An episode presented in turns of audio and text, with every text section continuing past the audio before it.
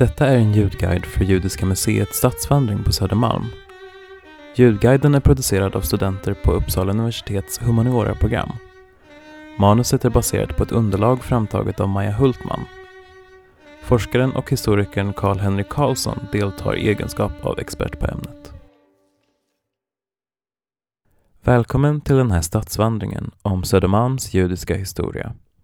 Du kommer den närmsta timmen få besöka fem platser som var viktiga för Stockholms ortodoxa judar under slutet av 1800-talet och början av 1900-talet. Hur såg deras liv i Stockholm ut egentligen? Vi börjar här på Södermalmstorg och avslutar på Björngårdsgatan. Vandringen går till så att du följer anvisningarna i den här ljudguiden och den tillhörande kartan, eller med hjälp av en kartapp i din mobil. I slutet av varje stopp kommer en kort vägbeskrivning till nästa stopp. När du hör den här melodin pausar du ljudspåret och går till nästa stopp, där du trycker på play igen. Du ska alltså bara lyssna på ljudguiden när du står stilla vid ett stopp. Vi börjar med en kort bakgrund. Vi befinner oss på Södermalms torg och vänder blicken norrut mot vattnet. Där nere ser vi Guldbron och Djurgårdsfärjorna, men framförallt Gamla stan. Det var där Stockholms judiska historia började för nästan 250 år sedan. Man brukar säga att startskottet skedde år 1774. Då flyttade en man hit från norra Tyskland som brukar kallas för Sveriges första jude. Han hette Aron Isak och var handelsman och sigillgrävare. Dock stämmer inte riktigt att han var Sveriges första jude Judar har vistats i Sverige även tidigare, men i de flesta fallen konverterade de till kristendomen eller vistades här tillfälligt. När Aron Isak kom hit var det egentligen inte tillåtet att leva som judisk trosbekännare i Sverige. Men hans yrkeskompetens saknades i det svenska samhället så han fick ett så kallat skyddsbrev. En slags tillåtelse från kungen att bosätta sig och arbeta i Sverige. Aron Isak grundade Sveriges första judiska församling och upprättar så småningom en synagoga på Själagårdsgatan 19 i Gamla stan, där Judiska museet finns idag. År 1782, bara några år efter att de första judarna flyttade hit, genomfördes en ändring i religionslagstiftningen som gjorde det möjligt för judar att bo här utan ett skyddsbrev och utan att behöva konvertera. Men de judar som kom hit var ändå begränsade genom ett regelverk som kallades för judereglementet Enligt judereglementet fick de inte bo var de ville i landet, bara i Stockholm, Norrköping och Göteborg. Dessutom fick de inte jobba med vad som helst. Men på 1830-talet svepte en våg av liberalism in över Europa. Lagar och regler såsom judereglementet började ifrågasättas och 1838 avskaffas judereglementet. Och judar fick bli svenska medborgare. Det möttes dock med stora, våldsamma protester. Det är här i tiden som vår stadsvandring tar avstamp. För åren efter att judereglementet upphävdes ökade den judiska invandringen till Sverige markant. Mellan 1855 och 1910 nästan sjudubblades den judiska befolkningen i landet, från 900 till 6000. Den nya judiska immigrantvågen bestod i mycket hög utsträckning av ortodoxa judar från Östeuropa den redan etablerade judiska gruppen i Sverige, som kom hit på slutet av 1700-talet, var främst från Tyskland och hade i stor grad börjat lämna vissa seder och bruk bakom sig och rört sig allt närmare den så kallade reformjudendomen. Reformjudendomen är en riktning inom judendomen där det är mer av ett personligt val att följa den judiska lagen. Judarna från Östeuropa var som sagt ortodoxa, alltså betydligt mer traditionella och strikta i sin religiositet Många kände sig inte hemma i det svenskjudiska sammanhanget som hade etablerats. De var dessutom mycket fattiga och hamnade därför i stor utsträckning på Södermalm, som vid den här tiden var den fattigare delen av staden. Vi ska nu vända blicken bort från Gamla stan och mot Södermalm, när vi beger oss mot vårt första stopp på vandringen, Bastugatan 4. Du kan nu antingen använda den tillhörande kartan eller själv söka efter adressen på din mobiltelefon. Nästa stopp, Bastugatan 4. Pausa ljudspåret och fortsätt spela när du är framme. Nu står vi på Bastugatan 4. Ställ dig med ryggen mot det gula huset och vänd blicken mot det vita huset med gatunummer 4 över porten. Vid förra sekelskiftet låg här ett annat hus än det vi ser idag. Det var fyra våningar högt och ena sidan av fasaden täcktes av ordet bad i enorma röda neonbokstäver. Här låg Södermalms tvätt och badinrättning. Den var mycket viktig för Södermalms ortodoxa judar. Men varför? Man kan generellt säga att det i slutet av 1800-talet fanns två judiska grupper i Stockholm. Den etablerade gruppen som framförallt kom från Tyskland på 1700-talet höll till i Gamla stan. De pratade oftast svenska och tyska. Deras församling hette Mosaiska församlingen och var ganska liberal. Och den nya gruppen som framförallt kom från Östeuropa och höll till på Södermalm, de pratade ofta jiddisch. De bildade så småningom en synagogeförening som hette Adat Israel. De här namnen är bra att lägga på minnet. Mosaiska församlingen och Adat Israel. De två grupperna hade olika syn på sin religion men möttes i att de alla var judar och använde tillsammans den mosaiska församlingens synagoga i Gamla stan.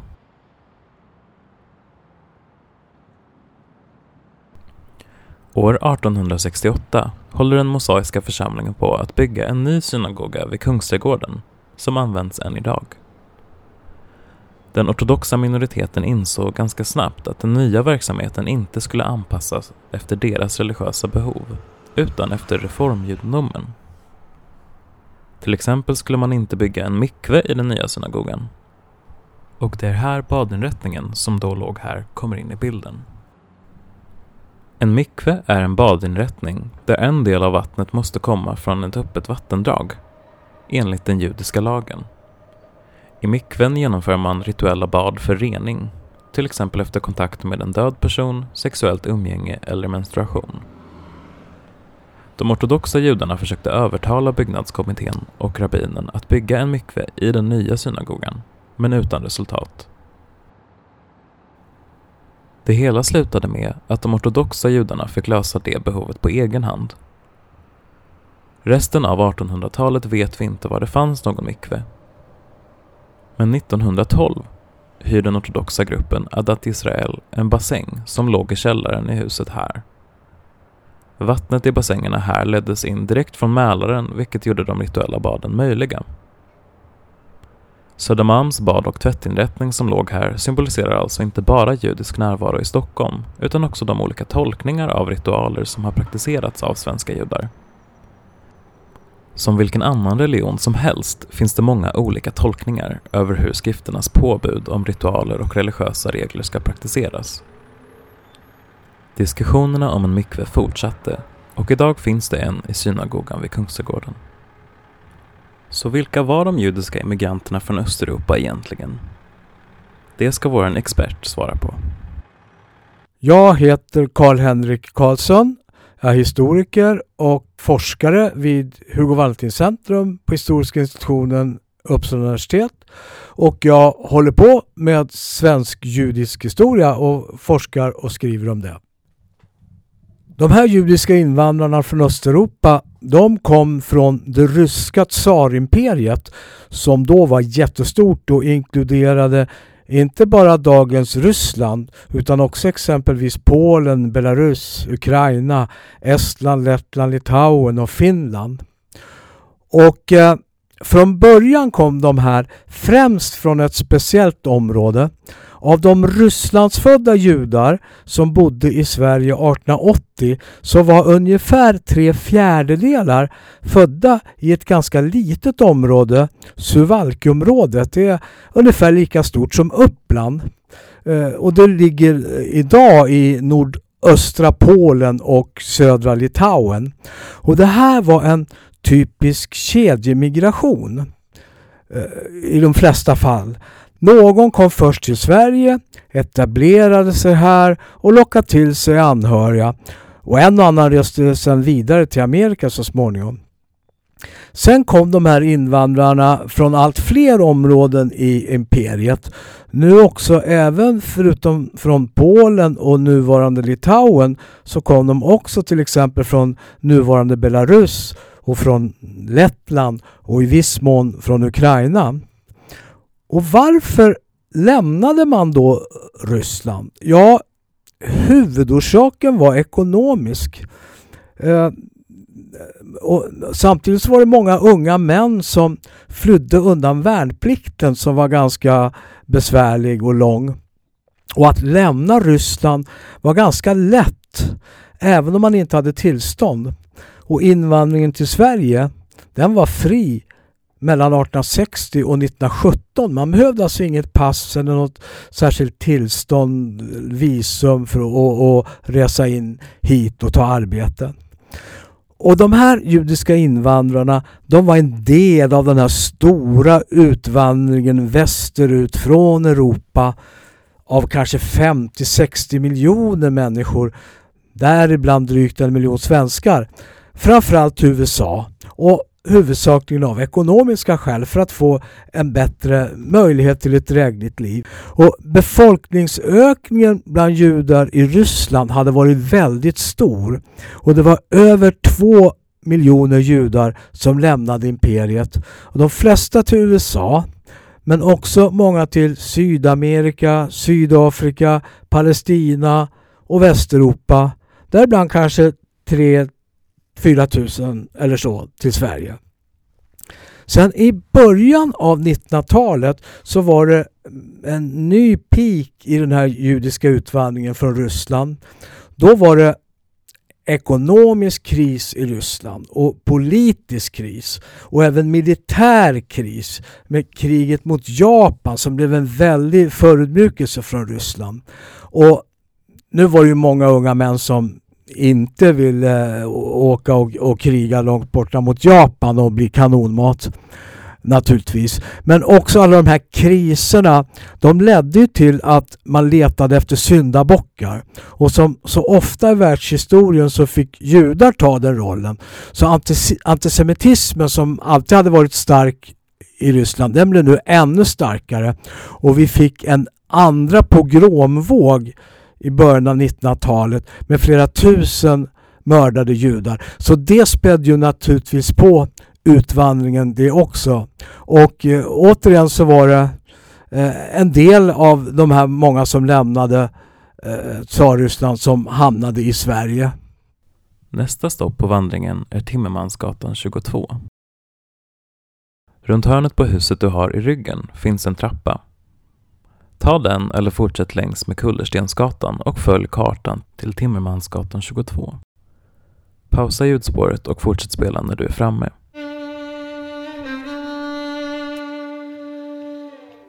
Nu står vi vid Timmermansgatan 22 i korsningen mellan Timmermansgatan och Krukmakargatan.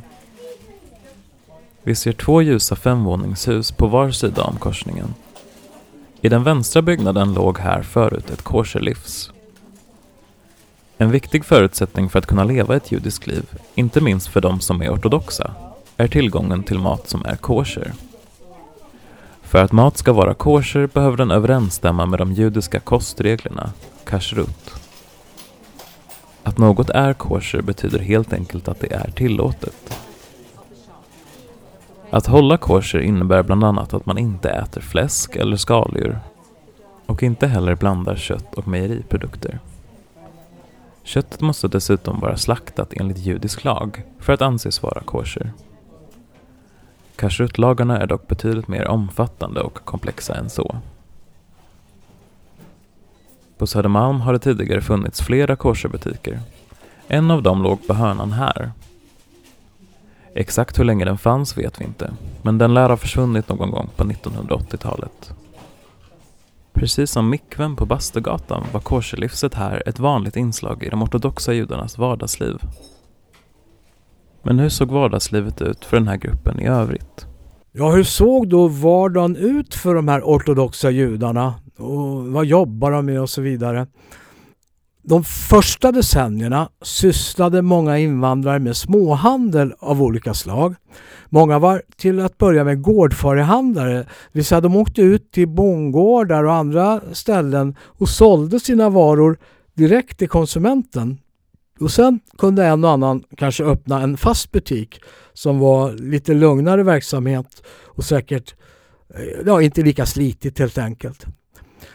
Efter sekelskiftet 1900 när vi fick en ökad invandring då var det fortfarande många småhandlare som kom hit men nu också många hantverkare och industriarbetare exempelvis inom skoindustrin och textilindustrin och tobaksindustrin.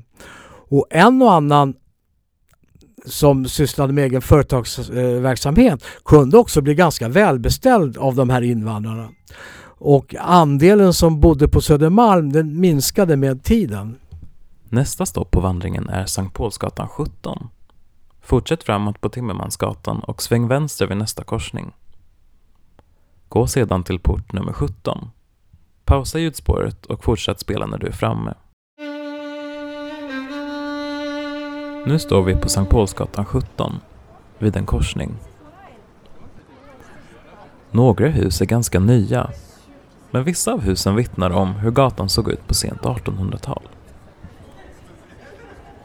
Att en mikve inte byggdes i den nya synagogan var inte den enda konflikten mellan den ortodoxa föreningen Adat Israel och den mer etablerade mosaiska församlingen. I den nya synagogan installerades det även en orgel och gjordes plats för kör. Det här upplevdes som inslag tagna från den kristna kyrkan. Den nya synagogan byggdes helt enkelt för reformjudendomen och de som fortfarande ville praktisera sin religion på ett traditionellt sätt, som de ortodoxa judarna, behövde alltså ett nytt ställe att samlas på. 1871 flyttade Adat Israel därför in i ett rum på andra våningen i ett hus som låg här då, men som nu är rivet. De byggde en läktare för de kvinnliga deltagarna och ställde Aron Hakodesh, skåpet med tårarullarna, mitt emot. Framför den ställdes en bima med två stora ljusstakar på varsin sida. Biman är den plats där man läser högt ur Toran. De ställde ut bänkar som också fungerade som skåp för böneböcker och från taket hängde tre ljuskronor.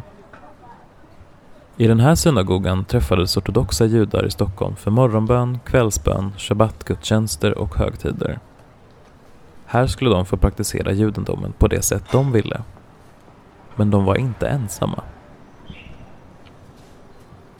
I samma hus låg ett pietistiskt barnhem för 20 30 flickor. Det hette Murbeckska barnhemmet. Pietisterna var kristna, men de tillhörde en utbrytargrupp från den lutherska läran, en så kallad väckelserörelse. De var alltså en religiös minoritet i det svenska samhället och inom den kristna tron precis som de ortodoxa judarna var en minoritet i det svenska samhället och inom den judiska gruppen i Sverige. Vi kan föreställa oss många möten mellan de två grupperna i trappuppgången här. En flicka från barnhemmet som möter ett barn på väg hem från shabbatgudstjänsten en lördag och en pietistisk pastor som möter en ortodox rabbin.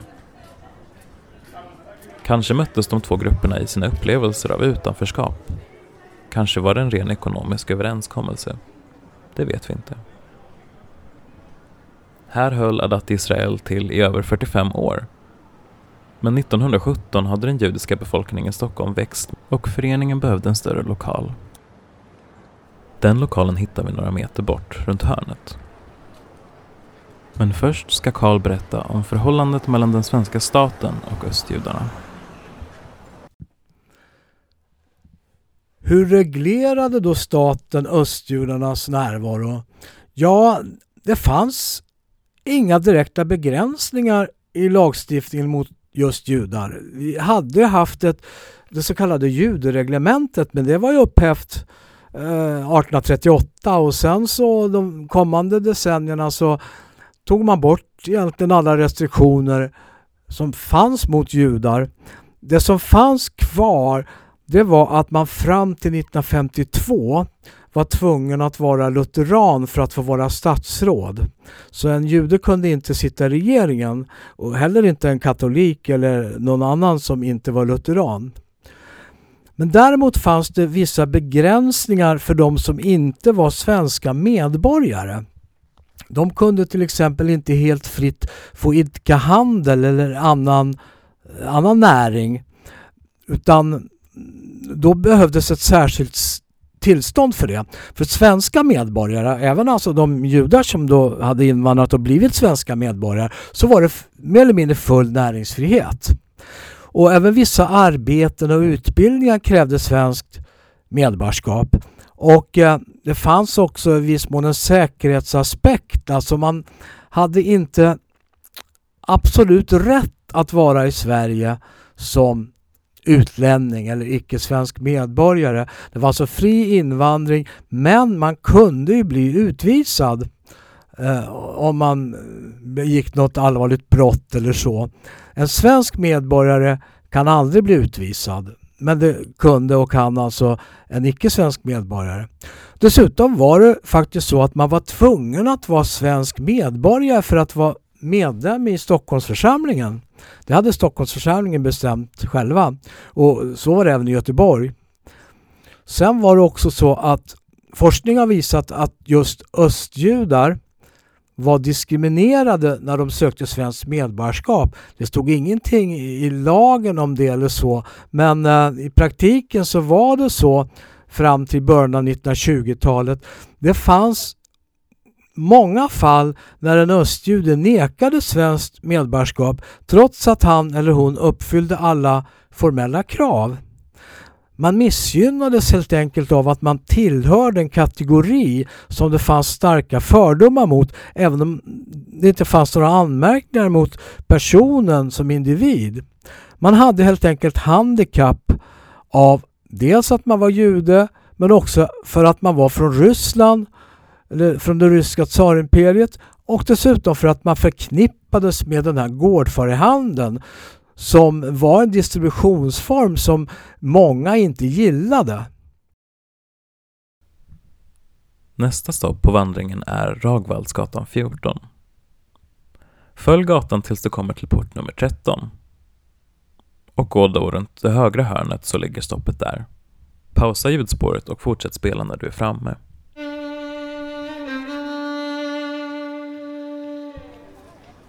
Nu står vi framför en stor brun port på Ragvallsgatan 14. Bakom den här ganska diskreta fasaden ligger den ortodoxa synagogan Adat Israel idag. Den officiella adressen är på Sankt Paulsgatan, men där ser man inget som talar om vad som finns på insidan. Men här runt hörnet kan man se en liten skylt med hebreiska bokstäver. Här har alltså Södermalms ortodoxa synagoga legat i över hundra år sedan år 1917. Huset byggdes redan 1820 och år 1904 omvandlades lokalerna i huset till en av Stockholms första permanenta biografer. Biografen byggdes om år 1911 och då byggde man bland annat en läktare. Detta gjorde lokalen nästintill perfekt för Adat Israel. Men det fanns en sak som behövde justeras. Läktaren fick flyttas till lokalens västra hörn så att synagogans kvinnliga besökare kunde stå och vända mot Jerusalem, alltså österut, under gudstjänsterna. Sen fyllde man lokalen med bänkar i två rader. En Aron HaKodesh i det motsatta hörnet från läktaren och en bima i mitten av rummet. Just i ortodoxa synagogor är det standard att biman är placerad i mitten av rummet. Men om man besöker till exempel den stora synagogan vid Kungsträdgården så står den längst fram vid Aron HaKodesh.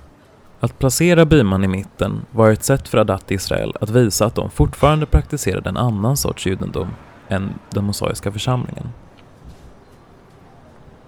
Men de som besökte Adat Israel under den första delen av 1900-talet skilde sig dock inte så mycket från besökarna i Stora synagogan egentligen. Det var inte längre bara fattiga gårdförhandlare som gick till synagogan på Södermalm. Troligen formades att Israels religiösa gemenskap snarare kring liknande kulturella och sociala bakgrunder medlemmarna emellan. Om du nu vänder blicken mot vänster ser du en stor byggnad i rött tegel. Här ligger skolan Södra Latin. Och från sekelskiftet och 20 år framåt höll en judisk hjälporganisation till i dessa lokaler. Organisationen hette Rodef Chesed och grundades redan 1870 av Mosaiska församlingens rabbin Ludvig Levisson. Rabbinen och Rodef Chesed var drivande i bildandet av Adat Israel. Att döma av vandringen hittills kan det vara lätt att tro att de ortodoxa judarna på Södermalm bara möttes av motstånd från den övriga judiska gruppen i Stockholm. Men det fanns trots allt initiativ från Mosaiska församlingens håll för att tillgodose söderjudarnas behov. Via Rodef kunde Södermalms judar ansöka om bidrag för till exempel läkarräkningar, sjukhusvistelser, mediciner och hyror. Rodef hjälpte även de ortodoxa judarna med att få tillgång till koshermat och mikve.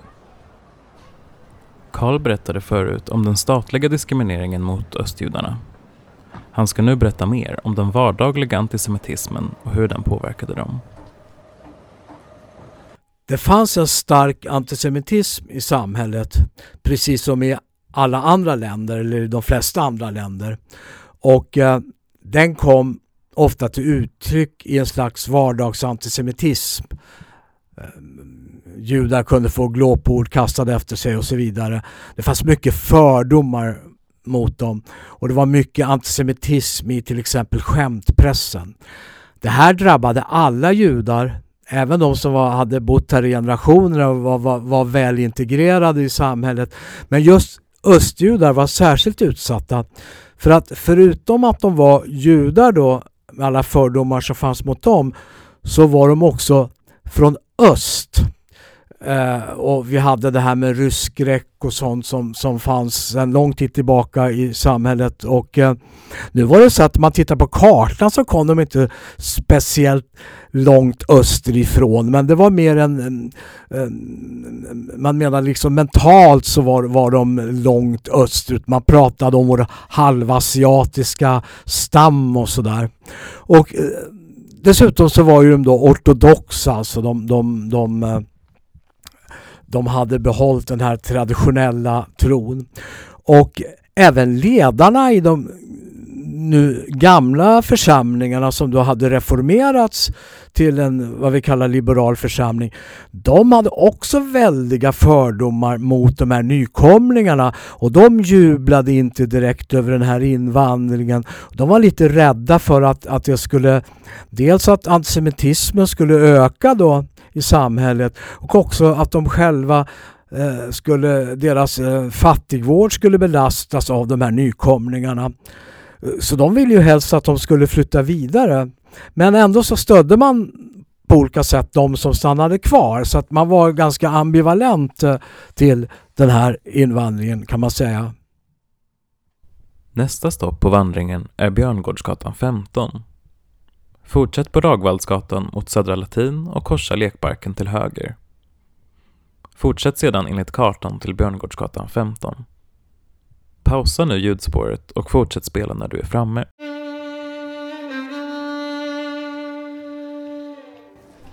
Här framför oss på Björngårdsgatan 15 hade Adat Israel stora planer.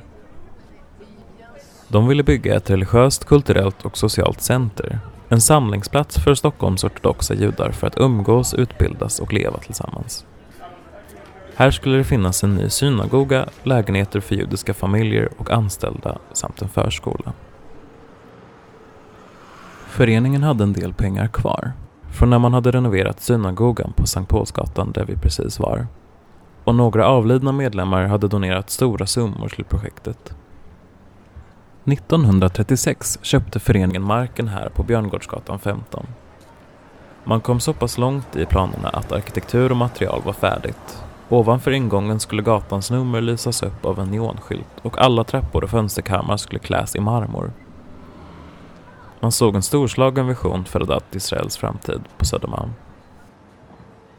Men 1939 bröt andra världskriget ut det medförde förföljelser och trakasserier för judar i hela Europa.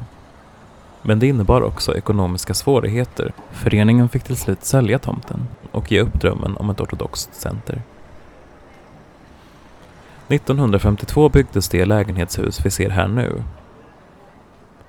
Vi har pratat mycket om Adat Israel och det kan vara lätt att sätta likhetstecken mellan föreningen Adat Israel och alla ortodoxa judar i Stockholm. Men faktum är att vissa inte ville sätta sin fot hos dem. I början av 1900-talet i olika lägenheter på Södermalm växte flera minjanim fram. Man kan säga att en minjan är en slags religiös gemenskap. Det är en grupp på minst tio vuxna judiska män. Ett sorts minimikrav för att hålla gudstjänst. Mellan 1905 och 1920-talet fanns det en minjan på Bondegatan 4. Mosaiska församlingen hjälpte dem ekonomiskt med att inreda lägenheten med Aron HaKodesh och en tårarulle. 1922 skrev ledarna Mattes Levin och Kalman Bickhoff till Mosaiska församlingen att deras lilla bönehus hotas att gå under och bad om ekonomiskt bidrag. De fick 300 kronor, men deras minnen verkar inte ha överlevt särskilt länge efter detta.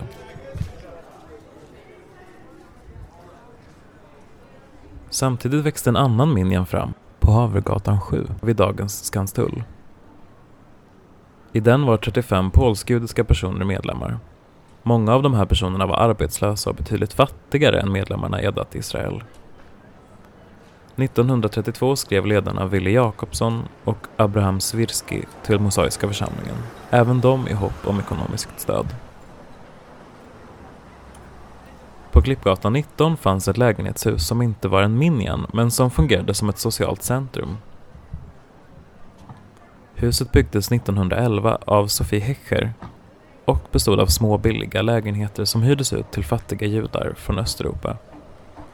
I folkmun kallades det för Judehuset. Stockholms ortodoxa liv växte sig allt större fram till andra världskriget och erbjöd många olika platser för gemenskap. De här platserna, Bondegatan 4, Havregatan 7 och Klippgatan 19, är exempel på att det judiska livet här på Södermalm inte var homogent och enkelspårigt, utan mångsidigt. De olika platserna uttryckte skillnader i hur den judiska religionen kan praktiseras, men även skillnader i socioekonomisk och etnisk bakgrund. En person kan dock identifiera sig med flera olika grupptillhörigheter. En behöver inte utesluta en annan. Många judar var faktiskt en del av flera olika judiska sammanhang i Stockholm. Här avslutas vår vandring. Vi har rört oss från Mikven på Bastugatan, en plats där Stockholms ortodoxa judar kämpade för att värna om sina religiösa praktiker. Till korserbutiken på Timmermansgatan, ett viktigt besöksmål i det judiska vardagslivet. Till Adat Israels första och andra synagogor på Sankt Paulsgatan där den första ortodoxa gruppen östjudar fick fäste. Och slutligen till Björngårdsgatan, där vi har fått en inblick i de olika framtidsdrömmar och gemenskaper som uppstod i den levande och komplexa gruppen ortodoxa judar på Södermalm. Som vi har sett var det judiska livet på Södermalm en integrerad del av staden. Det levdes på samma gator och i samma hus som stadens övriga liv. Ibland bakom stängda dörrar och ibland i delade trappuppgångar. Ibland i utbrytargrupper och ibland i samarbeten. En sak är i alla fall säker. Södermalm vore inte detsamma idag utan dess judiska historia.